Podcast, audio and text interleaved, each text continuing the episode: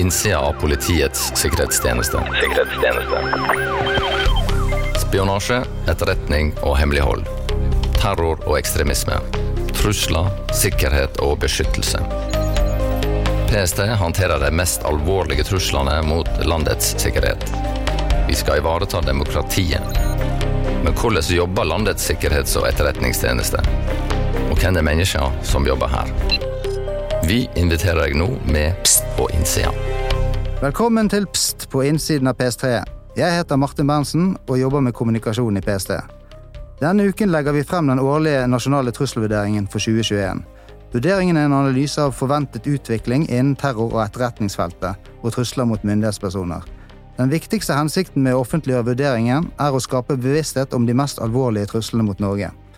Nå sitter jeg her med kontraterrorsjef Arne Kristian Haugstøyl og kontraetterretningssjef Hanne Blomberg. Vi kan jo begynne med deg, Arne Kristian. Kan du fortelle litt om deg selv, før vi gyver løs på trusselvurderingen? Ja, det kan jeg gjøre. Eh, jeg er jo 46 år. Eh, opprinnelig fra Åmli i det som nå er Agder. Eh, min bakgrunn er politimann. Jeg slet ut mine første marsjstøvler i Oslo politidistrikt etter at jeg gikk ut Politihøgskolen i forrige årtusen. Så begynte jeg i PST i 2006, der jeg starta som kildefører innenfor kontraetterretningsfagområdet. Det var en eh, flott tid, eh, der jeg kom inn i en verden som jeg ikke egentlig skjønte eksisterte annet enn eh, i spionfilmer. Så jobbet jeg der noen år, før jeg òg 2017 begynte som leder av kontraterror i PST. Ja, og jeg ba deg før du skulle komme i studio i dag, om du kunne fortelle en liten historie fra kildeførerlivet ditt, eller det som oftest kalles humint. Det er jo en eh, gren i PC som vi vanligvis snakker veldig lite om, og det er jo nettopp for å beskytte de kildene vi har. Men likevel, jeg utfordret deg på om du kunne fortelle i hvert fall én episode fra den tiden.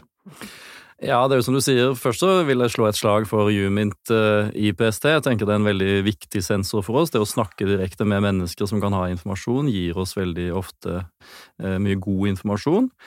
Eh, det er jo vanskelig å gå inn på, på, på spesifikke hendelser fra den tiden, men, eh, men, det er klart det var jo en del artige ting som skjedde. og Det hendte jo annet at vi fikk såkalte walk-ins, altså mennesker som selv kontakter PST for å gi informasjon. Eh, og mange av de har jo definitivt verdifull informasjon til PST. Men i denne kategorien så er det jo også enkelte konspirasjonsteoretikere med, med diagnoser som man kanskje primært omhandles eh, innen psykiatrien. Og Som regel så klarte vi å avsløre det i en tidlig kommunikasjon, før før da vi som kildeførere ble sendt ut for å møte personen fysisk. Men noen ganger så glapp jo det. Og Jeg husker godt et eksempel der jeg og en kollega skulle eh, gjennomføre et førstemøte med en eh, walk-in. Eh, og Da vi møtte på, på avtalt sted, så tok, motfikk vi en, en, SMS der vi ble dirigert til et annet sted i nærheten. Og dette skjedde tre ganger. Da begynte vi å bli litt skeptiske, men da vi til slutt kom til møtestedet, så kom det en person spurtende mot bilen vår fra en bod i nærheten eh, og kasta seg inn i eh, baksetet. Og liggende fra baksetet så stakk han fram en rull med ti meter aluminiumsfolie som han ba oss pakke inn eh, mobiltelefonen i, samtidig som han heseblesende fortalte at fremmede, om fremmede makters overvåking av han, der det skulle blitt brukt både ubåter og droner og mødre med barnevogner. Så det ble ingen samtale med en fremtidig kilde, men det ble en times samtale med fokus på å overbevise vedkommende om at han trengte helsehjelp og ikke, ikke PST sin hjelp. Ja, og nå er du leder for eh, kontraterrorseksjonen i PST. Det er riktig. Ja. Eh, jeg tror vi eh, ser litt på dagens tekst i dag. Ja. hvert år så offentliggjør PST en vurdering av forventede utviklingstrekk i trusselbildet for det kommende året. Og for oss er dette en viktig del av samfunnskommunikasjonen. Hva er situasjonen med tanke på terror i Norge i dag? Ja, det, Vi forsøker jo å se glasskula nå for 2021, og ekstrem islamisme og høyreekstremisme forventes fortsatt å utgjøre de største terrortruslene mot Norge i 2021. Det vurderes eh, som mulig at både ekstreme islamister og høyreekstremister vil forsøke å gjennomføre terrorhandlinger i Norge i 2021. Så det er jo det overordna bildet for det kommende året. Mm. Nå er jo ofte disse trusselvurderingene preges jo av kontinuitet og utvikling. Du, er det noe nytt som, som, er nytt fra i år? Fra tidligere? Eh, det er klart, eh, vi, eh, På slutten av fjoråret så ble trusselen fra ekstreme islamister skjerpa i Norge. Eh, bakgrunnen var den økte spenningen som vi så mellom ytringsfrihet og det mange muslimer opplever som krenkelser av islam. Og Hvorvidt den skjerpede trusselen vil vedvare, tilspisse seg eller avta gjennom 2021, det avhenger jo av flere forhold. Eh, et forhold er jo hvorvidt eh, islam- og innvandringsfiendtlige grupper vil fortsette å gjennomføre handlinger som kan oppleves som krenkende for muslimer, og hvorledes ekstreme islamister, eh, ekstreme islamister vil respondere på dette. Et annet forhold er jo hendelser som styrker forestillingene om at eh, Vesten er i krig mot islam. Og Det kan eksempel være norsk militær tilstedeværelse i muslimske land, og den økte spenningen i Europa vil også være med å påvirke eh, denne trusselen. Mm. Det er jo en eh, vedvarende debatt, og den har jo vært veldig tydelig etter terroren mot Norge i 2011. Dette med fokuset vårt på de høyreekstreme eller på ekstreme islamister. Og så kan det da diskuteres hvem er det som utgjør den største trusselen. Og eh, når man leser årets eh, trusselvurdering, så omtales jo begge deler. Ja, det er helt riktig. Og vi forventer jo flere radikaliserte til høyreekstremisme i 2021. Eh, og blant høyreekstreme så det er en grunnleggende idé om at den hvite rase og kultur er i ferd med å gå under. Og den ideen har større appell enn tidligere. Vi ser at både fysiske grupper og digitale plattformer er viktige arenaer for radikalisering. Og på nett så vil det fortsatt være transnasjonale, lukkede grupper der det oppfordres til terror. Samtidig så finnes det også flere plattformer som er åpent tilgjengelige, der enkelte er samlingssteder for en voldelig, høyreekstrem motkultur. Der deles det propaganda, og det kommuniseres anonymt. Og høyreekstrem ideologi iblandes gjerne memer, humor, klipp fra dataspill og konspirasjonsteorier. Og ekstremisme forkledd som humor det bidrar til å ufarliggjøre budskapet, der enkelte kan inspireres til å begå terror. Og Det er en farlig trend som vi følger nøye med på. Vi ser jo også at terrorister de inspireres av hverandre. For eksempel så, så vi at angrepet på New Zealand i 2019 skapte en kjedereaksjon av eh, angrep, og deriblant i Norge. Et, eh, et utviklingstrekk som vi stadig eh, har sett, i hvert fall det siste året, er jo at hendelser eller debatter som er på nettet, eh, får en effekt i virkeligheten. Og kanskje det er et av de store eksemplene på det, selv om det kanskje ikke er sammenlignbart med Norge, er stormingen av Kongressen, som kom veldig overraskende for de aller fleste. Det var vanskelig å forestille seg en slik hendelse. Eh, hva tenker du om det? eh, vi har jo også fått spørsmål om det de siste ukene. Kan dette skje i Norge? Ja, jeg tror det er veldig viktig å uh, være veldig tydelig på den store forskjellen som er mellom eh, amerikanske samfunn og det eh, samfunnet vi har her i Norge. De splittelsene de har i USA og har hatt over veldig mange år, og som har vokst seg kanskje enda sterkere de siste årene, kan ikke sammenlignes med situasjonen i Norge. Vi ser jo at vi i Norge har antistatlige strømninger eh, som vurderes å ha et potensial for å eh, radikalisere enkelte personer, også for det kommende året. Eh, og slike ideer fremmes i stor grad på digitale plattformer, og de siste årene så har det vokst frem strømninger som er, som er ideologisk forankra i antistatlige og konspirasjonsprega teorier. Og slike grupper er i vekst i flere europeiske land. Det som er viktig å merke seg der, er at det, det finnes ingen overordna ideologi for de gruppene. Eh, og en fellesnevner er eh, synet på statsmakten som illegitim. Eh, og det er fordi statens lover og regler oppfattes å krenke den enkelte borgers frihet og suverenitet. Det er at covid-19-tiltak COVID vurderes også å ha en forsterket effekt på disse strømningene. Og konspirasjonsteorier knytta til aktuelle nyhetssaker kan òg eh, føre til økte trusler mot, trusler mot myndighetspersoner, f.eks. Mm. Nå er jo eh, Noe av det aller viktigste PST skal gjøre, det er å forhindre terrorangrep. Og i trusselvurderingen i år så står det litt om forhindrede terrorangrep. Eh, og da har jeg lyst til å spørre deg om er nordmenn flinke til å melde fra til PST om eh, hendelser eller personer de er bekymret for? Ja, nå er du inne på et veldig viktig tema som jeg er veldig glad i å, å snakke om, og som betyr mye, mye for min del. Eh, det er jo sånn at I Vesten de siste eh, fire årene så er det avverga faktisk ca. 100 eh, terrorangrep. Og Det er òg avverga terrorangrep i Norge. Eh, britisk forskning eh, på soloterrorisme eh, viser jo at over 60% av de som gjennomførte terror, de lakk informasjon til sine nærstående. De fortalte gjerne at de ønska å begå terror, og det var jo da mennesker rundt terroristen som hadde kunnskap om dette. Likevel så viser vår eh, empiri fra disse 100 avvergede angrepene at eh, det er ikke mer enn ca. 10% av nærstående til eh, disse avvergede angrepene som, er, som gir inngangsinformasjonen til politi- og sikkerhetstjenestene for å klare å stanse angrepet. Det er klart det gapet mellom de som vet og de som varsler, det er vi helt nødt til å få ned. I dag så er det nok eh, mange som vegrer seg eh, for å eh, varsle om at venner eller familie har et ønske om å begå terror. Jeg tror nok noen vil oppleve eller overvurderer farene for straff og straffeforfølgelse. Og mange er nok bekymret for hva som skal skje med sine venner eller eh, familie dersom eh, det var, det, var, de varsles.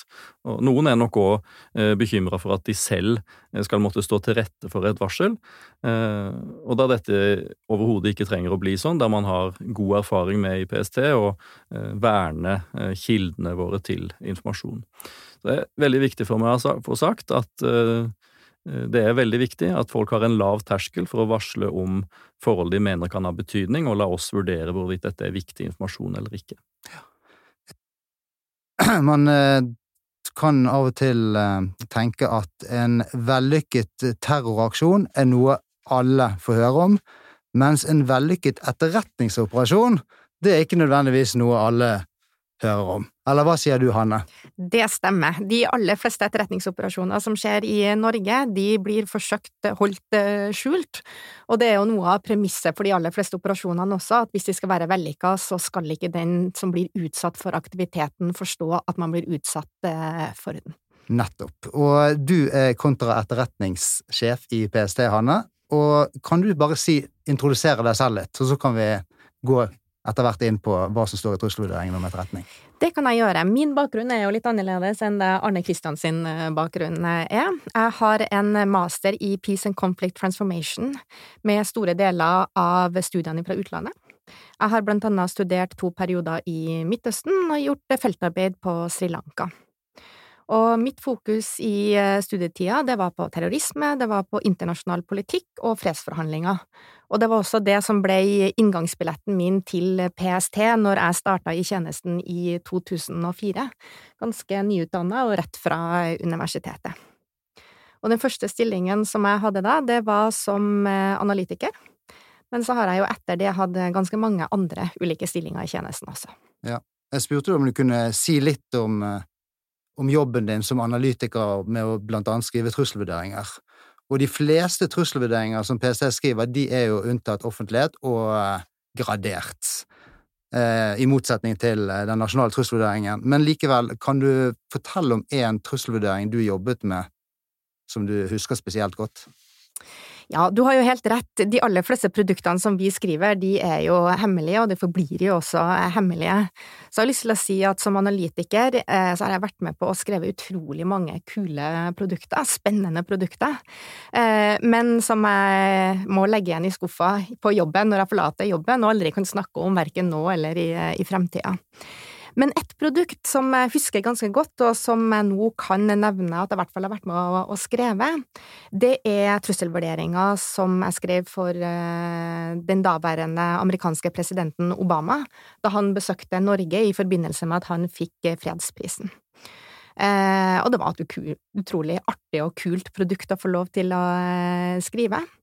Og her vurderte jeg jo ikke bare trusselbildet mot den amerikanske presidenten, men anbefalte også mange politioperative sikkerhetstiltak som skulle utføres. Og det var ganske underlig i ettertid som analytiker å følge det besøket når han faktisk kom til Norge, både for å se om faktisk analysen traff, men også ta inn over seg de enorme ressursene som dette kosta politiet, og som en sånn type trusselvurdering faktisk medførte for, for samfunnet. Mm. Men hvis vi skal vende tilbake til den nasjonale trusselvurderingen, som, eh, som for oss er litt, eh, som er litt herlig, for da kan vi i fortelle om det vi jobber med, og hva vi har jobbet med den siste tiden. Og det er det jo sånn at denne trusselvurderingen er blitt jobbet ganske intenst med de siste månedene nå, i PST. Og hvis vi tar etterretningsfeltet, så er jo det også preget av kontinuitet og utvikling. Kan du eh, dra oss gjennom de viktigste punktene på ditt felt? Martin, jeg har tre ting som jeg tenker at jeg har lyst til å trekke frem med årets uh, trusselvurdering. Og det første, det er at det egentlig ikke er så store endringer fra år til år når det gjelder uh, våre trusselvurderinger på spionasje i Norge. Og dette er et veldig viktig poeng, fordi at det forteller oss at etterretning, det er normalbildet. Og dette gjør jo etterretningsfeltet annerledes enn terrortrusselen. For den ser vi mer at veksler mer både med hensyn til hvem det er som potensielt kan gjennomføre terroraksjoner i Norge, og aktivitetsnivået hos eh, disse. Men spionasje, det er altså noe som ikke går over. Og så lenge vi har uavhengige stater i verden, og så lenge vi ikke er nære allierte med alle disse, så vil fremmede lands etterretningstjenester etterrette mot oss. Og Norge, norske virksomheter og også norske enkeltpersoner vil være interessante mål for mange fremmede lands etterretningstjenester. Det andre jeg har lyst til å trekke fram, det er fokuset på cyber. Vi har jo hatt cyber som tema i mange år, og vi har også lenge vært veldig tydelige på trusselen som ulike nettverksoperasjoner utgjør i Norge. Nytt i årets trusselvurdering det er at vi skriver at nettverksoperasjoner i inneværende år, altså i 2021, vil utgjøre den største delen av både kinesisk og russisk etterretningsaktivitet. Altså så er det ut fra denne metoden, ut fra nettverksoperasjoner, at de vil innhente mest informasjon om og fra Norge. Og dette er verdt å merke seg for norske virksomheter. Et tredje poeng som jeg har lyst til å trekke frem, det er at vi er tydeligere på Russlands bruk av etterretningsoffiserer i Norge. Vi har tidligere pekt på at fremmede lands etterretningstjenester rekrutterer kilder i Norge, og også at de opererer under ulike dekker. I årets trusselvurdering så skriver vi at det ved den russiske ambassaden i Oslo arbeider et betydelig antall russiske etterretningsoffiserer som bruker sin diplomatiske status som dekke for ulovlig aktivitet i Norge. Og disse ser vi at bruker mye tid på å etablere og vedlikeholde relasjoner med enkeltpersoner i Norge, og de forsøker altså å verve disse som kilder til russiske etterretningstjenester. Og denne aktiviteten er selvfølgelig både uønska, og den er skadelig for Norge. Ja. Eh, Anne Kristian snakket om dette her viktigheten av at vi får tips på, eh, for å avverge terror. Eh, hva, slags, eh, hva tenker du om eh, etterretningsfeltet? Det er kanskje ikke så lett for eh, mannen i gata å tipse om en, om en skjult etterretningsoperasjon? Nei, kanskje ikke akkurat en skjult etterretningsoperasjon, men på akkurat samme måte som på kontraterrorfeltet, så er vi også på kontraetterretningsfeltet helt avhengig av at eh, både enkeltpersoner og norske virksomheter tar kontakt med oss når de opplever noe som er eh, unormalt. Og da har vi, vi har en del som gjør det allerede, virksomheter som er flinke til å ta kontakt med oss når de opplever noe som er, er litt merkelig. For eksempel hvis en person, utenlandsperson tar kontakt med dem, begynner å spørre etter informasjon, noen, noen som aner at de blir forsøkt verva, for eksempel, av en utenlandsk etterretningsoffiser, eller hvis man opplever ting som foregår på nettet i form av nett, nettverksoperasjoner. Men på samme måte som, som Arne Kristian påpeker her på, på kontraterrorfeltet, så opplever vi også at det er kanskje en litt for høy terskel til å ta kontakt med PST, og vi ønsker veldig gjerne at flere tar kontakt med oss. Og så må man heller tenke sånn at, at det å tipse PST, det er egentlig bare å overleve ansvaret over til oss og vurdere hva dette er. Eh, og vi vil heller ha for mange tips, og noen ganger må vurdere at det ikke er noe som ligger i det, enn å få for få tips. Ja, og vi har jo en egen tipsportal på nettsiden vår som kan brukes til det, så det er ikke nødvendig å, nødvendig å pakke mobilen sin inn i aluminiumsfolie for å ta kontakt med PST. Eh, men eh, myndighetspersoner og trusler mot myndighetspersoner det er jo alltid en fast del av trusselvurderingen vår. Og Arne Kristian, kunne du si kort om det? Ja. Altså, Myndigheters sikkerhet og handlefrihet representerer jo svært viktige demokratiske og institusjonelle verdier, og vi forventer en viss økning av trusler mot myndighetspersoner i 2021. Og Det knyttes særlig til uenighet med myndighetenes håndtering av covid-19, en forventet økning i antall radikaliserte høyreekstremister og en økt eksponering av saker og politikere i forbindelse med valgkampen inn mot stortingsvalget eh, det kommende året. Vi ser jo at politiske enkeltsaker ofte mobiliserer personer til å fremsette trusler mot myndighetspersoner, og dette kommer både fra personer med og uten ideologisk forankring. Eh, de fleste truslene mot norske myndighetspersoner kommer imidlertid fra eh, enkeltpersoner uten ekstremistisk tilhørighet. Når det er sagt, så vurderes det som lite sannsynlig at myndighetspersoner vil utsettes for alvorlige voldshandlinger i 2021, og den store mengden av sjikane, personlig uthenging og, og, trusler mot enkeltpersoner, særlig på sosiale medier, det kan være veldig belastende både for nåværende og eventuelt kommende politikere. Og ytterste konsekvens så kan dette føre til at enkelte avstår fra å være politisk aktive, at de passifiseres eller påvirkes til å ta beslutninger de ellers ikke ville tatt. Og dette er jo en trussel eh, mot demokratiet. Etterretningsvirksomhet mot Norge, spesielt fra land som Kina og Russland, er jo en pågående aktivitet. Hvordan er bevisstheten på, altså blant den norske befolkning og bedrifter, organisasjoner og andre myndigheter på denne trusselen? Vårt inntrykk er jo for å være helt ærlig, at eh, denne bevisstheten er relativt varierende.